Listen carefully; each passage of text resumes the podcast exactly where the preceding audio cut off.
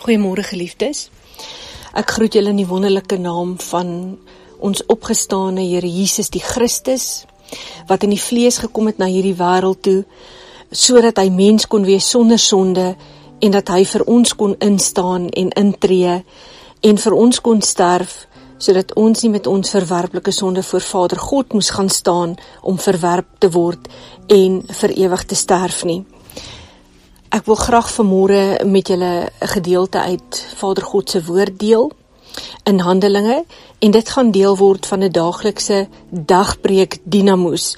Um wat wat ek hoop vir julle sal bemoedig en vir julle sal krag gee en daardie dinamos verwys na Handelinge 1 vers 8 waar die woord sê maar julle sal krag ontvang, julle sal dinamos ontvang wanneer die Heilige Gees oor julle kom.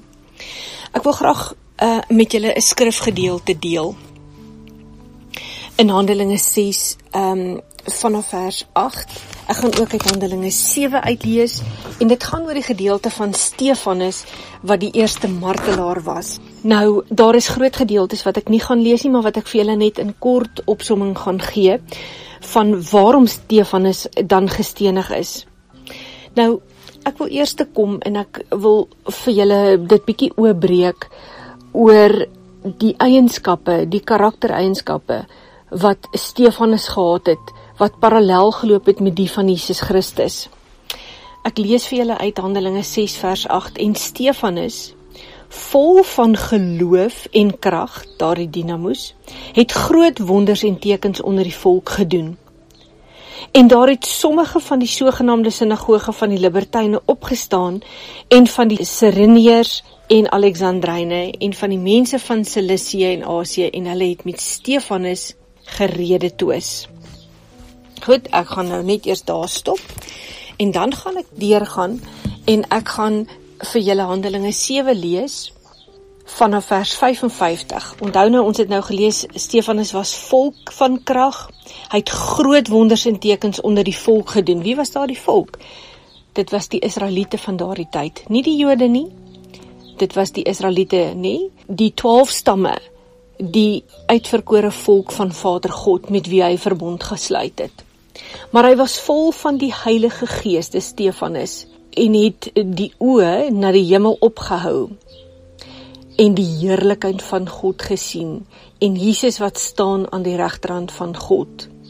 En hy het gesê: "Kyk, ek sien die hemele geopen en die seun van die mens aan die regterhand van God staan." En terwyl hy gestenig was, het het Stefanus die Here aangeroep en hy het gesê: "Here Jesus, ontvang my gees." en hy het op sy knieë neergeval en het 'n groot stem met 'n groot stem uitgeroep: Here, reken hulle hierdie sonde nie toe nie. En met hierdie woord het hy ontslaap. So dit is baie duidelik uit die woord uit dat Stefanus geloof in Jesus Christus gehad het in Vader, dat hy die dinamos gehad het, dat hy die Heilige Gees gehad het. En dit is my so mooi uh dat vers 10 sê hulle kon die wysheid en die gees waardeur hy gespreek het nie weerstaan nie. Die Heilige Gees, so hy definitief, hy het definitief tot wedergeboorte gekom. Hy is gedoop, hy het die dooping in die Heilige Gees ontvang en hulle kon daardie wysheid met waarmee hy gespreek het, daardie goddelike wysheid, godly wisdom and insight wat ons gesien het wat Salomo van Vader God ontvang het, was in in Stefanus nie. Hulle kon dit nie weer leer nie omdat hy hierdie geloof gehad het en krag en dat hy groot wonders en tekens gedoen het. Groot wonders en dit kan ons net doen deur die krag van die Heilige Gees, die gawes van die Heilige Gees wat wat vir ons gegee word. En dan hier op die einde het hy dan ook uh, sê die woord hierso in vers 5 wat hy was vol van die Heilige Gees en hy kon in die onsigbare sien. Hy kon die heerlikheid van Vader God gesien het. Hy kon sien Jesus staan aan die regterrand van Vader God. En hy het gesê Here Jesus, ontvang my gees, ontvang my gees, maar reken hierdie mense nie hulle sonde toe nie. Ek sien baie van die eienskappe van Jesus Christus ook waar waar Jesus Christus absoluut in in kontak was met Vader God op aarde en met Heilige Gees. En dat hy ook groot wonders en tekens gedoen het. Dat dat Jesus geweet het dat as hierdie beker nie by hom verbygaan nie, gaan ons nie gered word nie en dat hy ook bespot is, dat hy ook voor 'n raad gebring is, net so Stefanus voor voor hierdie raad gebring is En dit is my nie per toeval nie dat hulle teen hom dat hulle manne opgestook het om teen hom lasterlike dinge te, uh, te sê en en te sê dat hy teen God laster en hoe hulle hom vals beskuldig het, nê? Net soos in Jesus se geval voor Pontius Pilatus wat hy Pontius kon niks teen Jesus gekry het nie want daar was niks nie. Maar dat dat hulle ook in Stefanus se geval valse getuienis teen hom gebring het. En dat hulle hom voor hierdie raad gebring het en wie anderster as die skrifgeleerdes nê wat wat hom dan ook aangekla het die ouderlinge van die volk en die skrifgeleerdes. En en eh, dat hierdie valse getuies dan gekom het en gesê die man hou nie op om lasterlike dinge te praat teen hierdie heilige plek en die wet nie. En dat hulle hom voor die raad gebring het En dis my so interessant en terwyl almal wat in die raad sit hulle oë stip op hom hou, sien hulle dat sy gesig soos die gesig van 'n engel was. Die heerlikheid van God, die heerlikheid van God, die lig van Vader God, die waarheid wat deur hierdie man geskyn het, die kavod en en hoe wonderlik dit is dat, dat hulle kon nie, hulle kon eintlik niks teen hom gekry het nie. En dan nog een van die um, die wonderlike eienskappe van Stefanus is dat hy die woord geken het, dat hy die Ou Testament geken het en dat hy vir hulle begin aanhaal het en met hulle gepraat het hier in in Handelinge 7 getuig het van Abraham, die verbond wat Vader met Abraham gesluit het. Hy het gepraat oor Josef en wat Josef gedoen het oor Jakob en ek gaan baie vinnig daardeur en Moses wat opgeleis in al die wysheid en dat hy kragtig en magtig was. En dan dan gaan dit aan. Hy sê en dan getuig hy ook van hoe Moses dan ook daardie openbaring gekry het by Vader God dat die Here julle God vir julle 'n profeet verwek het uit julle broers uit, nê? Nee? En ons weet dit is Jesus die Christus wat uit die nageslag van Dawid uitgekom het. En dan gaan hy aan en dan praat hy ook oor Salomo wat die huis vir vir Vader God gebou het. En En dan begin hy hulle aanvat en hy sê: "Julle hardnekkiges en onbesnedenis van hart en ore, julle weerstaan altyd die Heilige Gees, net soos julle vaders, so ook julle." Watter een van die profete het julle vaders nie vervolg nie? Ja, hulle het die gedood wat vooraf die koms verkondig het van die regverdige, dit is ons Here Jesus Christus, van wie hulle nou verraaiers en moordenaars geword het. En as gevolg daarvan, as gevolg van die feit dat dat Stefanus geweet het dat Jesus die Christus kom uit die nageslag van Abraham, Isak en Jakob en dat Vader 'n nuwe verbond gaan sluit met die 12 stamme waarvan ons deel is, nê? Daaroor het hulle dan gekom en en hulle het op hulle tande geknars. Hulle was woedend oor die waarheid wat hulle vir, wat hy vir hulle gegee het, maar ook omdat hy vir hulle gewys het, maar julle is diegene wat al die profete nog vervolg en want julle wil nie hê dat die waarheid moet uitgekom het nie, nê?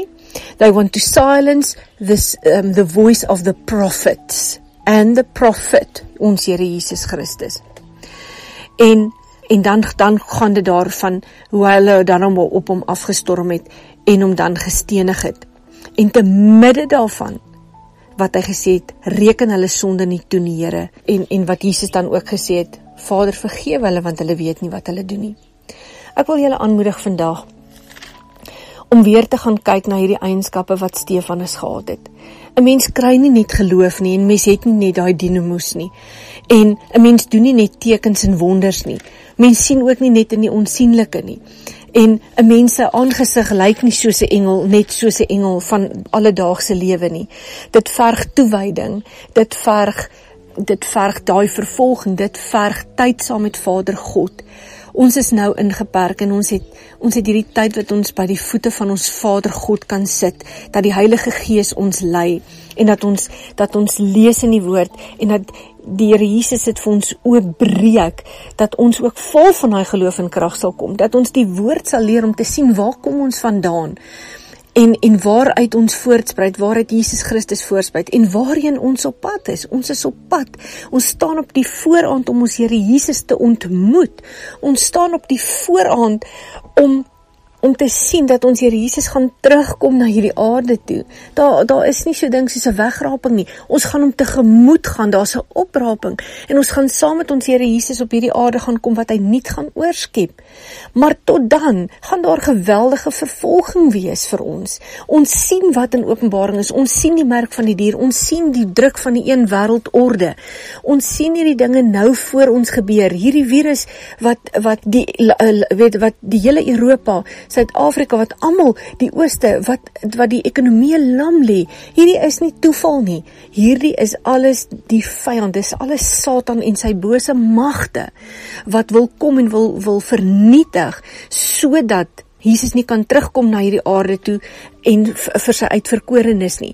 En daarom is dit belangrik dat ons moet waak, ons moet bid, ons moet afsonder. Ons is 'n heilige afgesonderde volk en ons moet ons moet werklik die tyd uitkoop om saam met saam met Jesus te wees, saam met die Heilige Gees, dat dat die dinge vir ons geopenbaar word. Onthou 1 Petrus 2 wat sê maar julle is 'n uitverkore geslag. Daai geslag is eintlik 'n verkeerde vertaling. Dis 'n uitverkore ras, 'n koninklike priesterdom, 'n heilige volk, 'n volk as eiendom verkry om te verkondig die deugde van hom wat julle uit die duisternis geroep het tot sy wonderbare lig.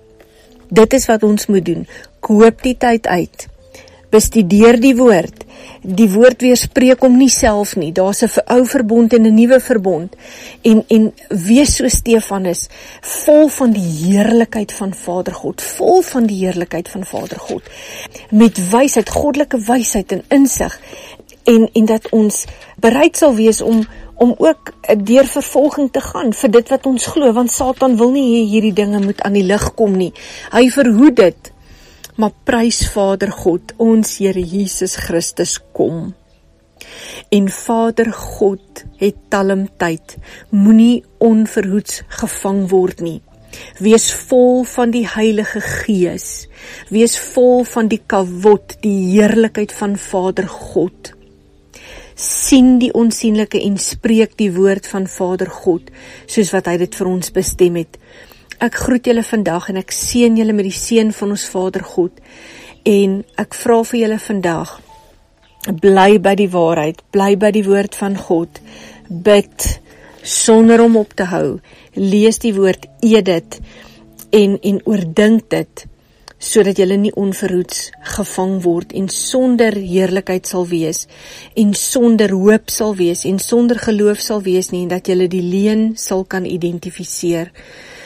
Baie dankie Hemelse Vader dat U so goed is vir ons. Dankie dat U U woord vir ons oopbreek. Dankie dat ek vanmôre oor elkeen wat hierdie woord sal hoor kan bid dat u elkeen sal vul met u Heilige Gees, dat u elkeen sal vul met u heerlikheid, met u kavot en dat ons elke ene u lig in ons sal hê dat ons sal skyn dat mense dit sal sien. Vader, dat ons dat ons so Stefanus vol van heerlikheid en wysheid sal wees, dat ons die woord sal ken en dat ons dat ons aangesig ook soos die van 'n engel sal wees. Dankie daarvoor. Dankie dat U die woord vasmaak in ons gees vanmôre. Dankie Here dat U ons beskerm en ons bewaar. Maak ons toe met U bloed vanmôre. Gee U engele opdrag om voor ons uit te gaan ons te beskerm en ons te bewaar. Ons dankie vir die lieflikheid en die heerlikheid dat ons ver oggend hierdie dagbreek dinamoes van U kan ontvang. Ons eer U en ons prys U tot in alle ewigheid. Amen. As jy gewonder het wie ek is, ek is Dr. Annelies Du Plessis de Beer. Ek het 'n 'n 'n ministry, Oil of Joy Ministry waar ek families bedien. En hierdie ministry groei elke dag. Ons doen huweliksberading, ons help mense om vry te kom. Dit is 'n genesingsbediening, maar dit is ook 'n evangelistiese en profetiese bediening. En as jy enigsins hulp nodig het in hierdie tyd, gaan ek nou vir julle myself 'n nommer gee en dit is 082 828 0919. Maak gebruik van hierdie geleentheid. Ons wil julle graag bedien. Ons wil daar wees vir julle. Ons wil saam met julle bid en lewe spreek. Want die woord sê as twee oor 'n saak saamstem, Matteus 18:19, dan sal Vader God dit doen. Dis 'n belofte.